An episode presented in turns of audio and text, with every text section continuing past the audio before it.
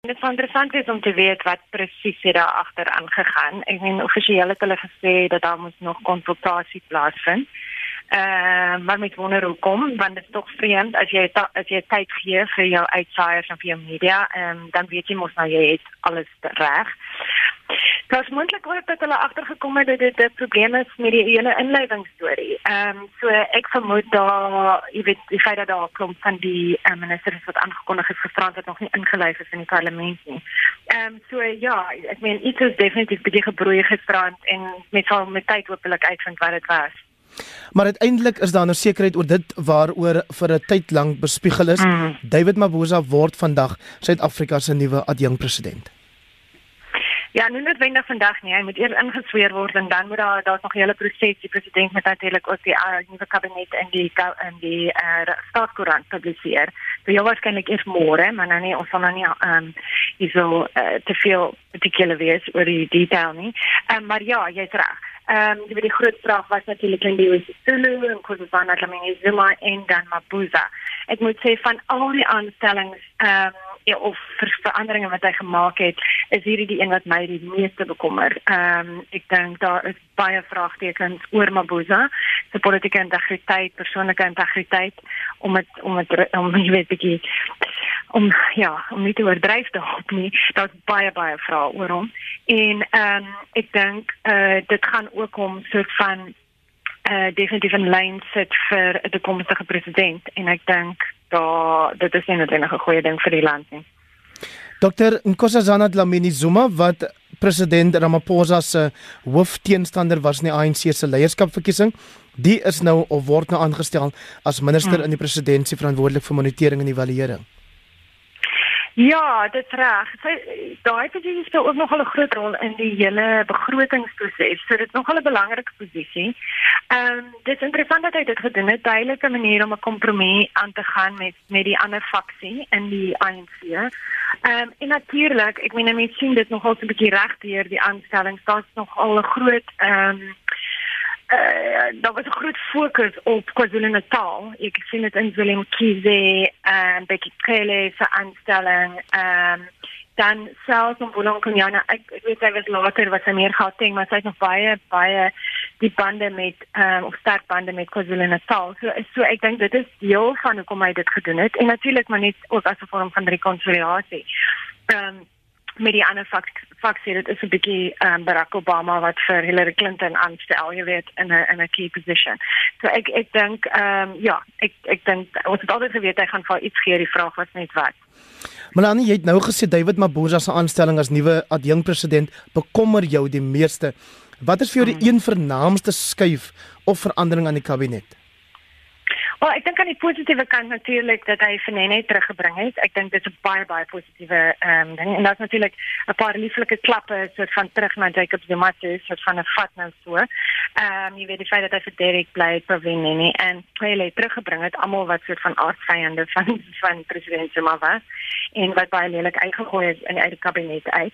Ehm um, maar dan aan die negatiewe kant definitief um, Mabuza. Definitief is vir my baie kommerwekkend. Uh, but Abeli Klamini baie mense maak nou baie daaroor dit uh, ek dink dit is 'n groot verrassing nie. Sy is nog steeds die voorsitter van die vroue liga. So hy, hy sou altyd vir iets moet het. Ehm um, as 'n feminist is dit vir my moeilik dat sy nou natuurlik ingegaan het in die ministerie vir vroue, maar terselfdertyd neem ek aan hy voel nie alleen pas tot daar die beste nie, maar sy kan jou waarskynlik iemand se skade daar ook aanrig. Ehm um, bekommerd oor Mvula Mkonyane is ook ek dink jy weet die feit dat sy natuurlik ook die, die SAK en so aanhou weer oorneem dis kommerwekkend maar ehm um, ja ek dink dis duidelik ook maar een van daai kompromieë wat hy moes aangaan. En nog 'n kompromie dalk Dr Blyden se man van die SAKP terug in die kabinet in die portefeulje transport of vervoer Ja, ek meen ek dink dit is duidelik nou sy proses om so van eenheid met die alliansie op te vorm. Natuurlik, ons het geweet dat hy, jy weet, dit is hom baie belangrik om sterk bande weer met die alliansie te vorm en en ook met die SAKP spesifiek. So ek dink dit is definitief 'n manier om om dit te doen. Ehm um, ons moet ook onthou dat hierdie is heel waarskynlik 'n interim kabinet op die langste tot 2019 se verkiesing toe. Ehm um, ek meen hy kan voor die tyd ook weer kom as hy sou wou. Ehm um, ek vermoed hy sal traag wees om dit te doen want natuurlik elke keer as jy skommel, maak jy vyande in jou eie party. Ehm um, nie te veel in die oppositie. Ek meen dit is regtig irrelevant vir Cyril Ramaphosa omdat wat in die oppositie aangaan want hulle meningsopnames wys dat hulle so verswak het vandat hy oorgeneem het. So sy grootste probleme is maar in sy eie party. En elke keer as jy kom om maak jy natuurlik vyande van jy gooi mense uit en jy sit sommige mense nie in nie. Ehm um, so ek dink ons sien jou waarskynlik hierdie as 'n interim kabinet en ek dink heel waarskynlik ehm um, sal hy van die mense wat nog so lank daar was, ehm um, na 2019 nie meer raai nie en dan heeltemal weer nie begin. Gwedi Montashe was voor in die ANC se sekretaris-generaal en is deesdae nasionale voorsitter. Hy het wel sprake gehad dat hy sou uittreë uit die politiek het. Nou is hy 'n nuwe kabinetslid. ja, moet gelag te Gwedi sê hy's klaar met die politiek. Ehm um, ek dink beide hy wat nou na mineraal sake uh, mineraal ek weet nie presies hoe minerale hulpbronne hulpbronne.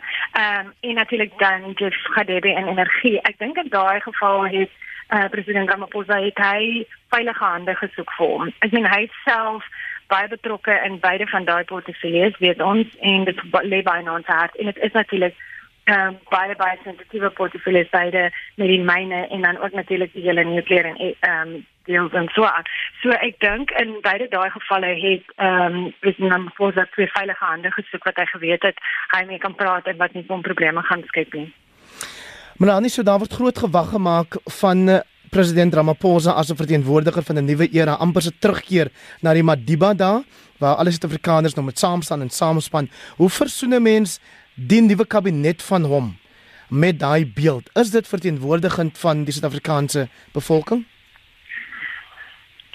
Ja, ek het nog nie 100% gaan kyk na die demografiese uh, verspreiding hier nie. Ehm um, daar is redelik vrouens daar en en daar is redelik van die minderhede daarin.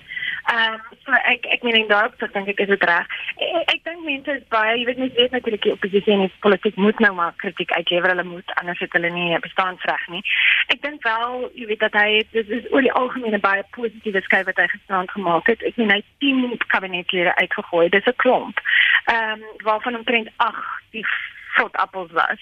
Ehm um, en en die meeste van die groot vrootappels, ja, het nou wel 'n paar gelos, jy weet, soos Malifikaba wat Batterie Lamini en Ombulang Konyane. Maar ek dink ehm um, jy weet, politiek gaan oor kompromieë. Ons moet onthou ehm um, dat hy met hom net met 179 stemme gewen, so effektiewelik met 90 stemme gewen. En en politiek is maar altyd oor kompromieë. Ja. En en en en en terselfdertyd moet ons ook vir onsself sê, is dit nie wat ons tog nou soek ook nie. Ons ons is tog nou moeg vir 'n president wat nie 'n date omgee wat enigiemand anders dink nie en net doen wat hy wil. Dis nie wat ons wil hê nie. So ons soek juist iemand nou wat sê ek konsulteer, ek besef dat ek met soms kompromieë aangaan solank hy kompromieë net nie teen 'n te groot prys kom nie. So oor die algemeen dink ek hy 10 minute uitgegooi. Hy het 'n paar interessante nuwe teruggebring. Sy kabinet is heel waarskynlik as mens wil krities wees daaroor, dink ek is dit 'n bietjie aan die ouer kant en dit gaan miskien iets waarna hy gaan moet kyk as hy na 2019 dat hy van die jonger mense moet inbring en nuwer mense moet inbring. Ehm um, die ander ding wat ons nog nie geraak het nie natuurlik is dat hy beide ehm um, staatsveiligheid en polisie verander het en ek dink dit was baie baie belangrik vir hom en natuurlik ook dat hy vir Maslobo moet uitgooi ten spyte daarvan dat hy nou nie meer in staatsveiligheid is nie maar dit ek dink ehm um, intelligensie is nie.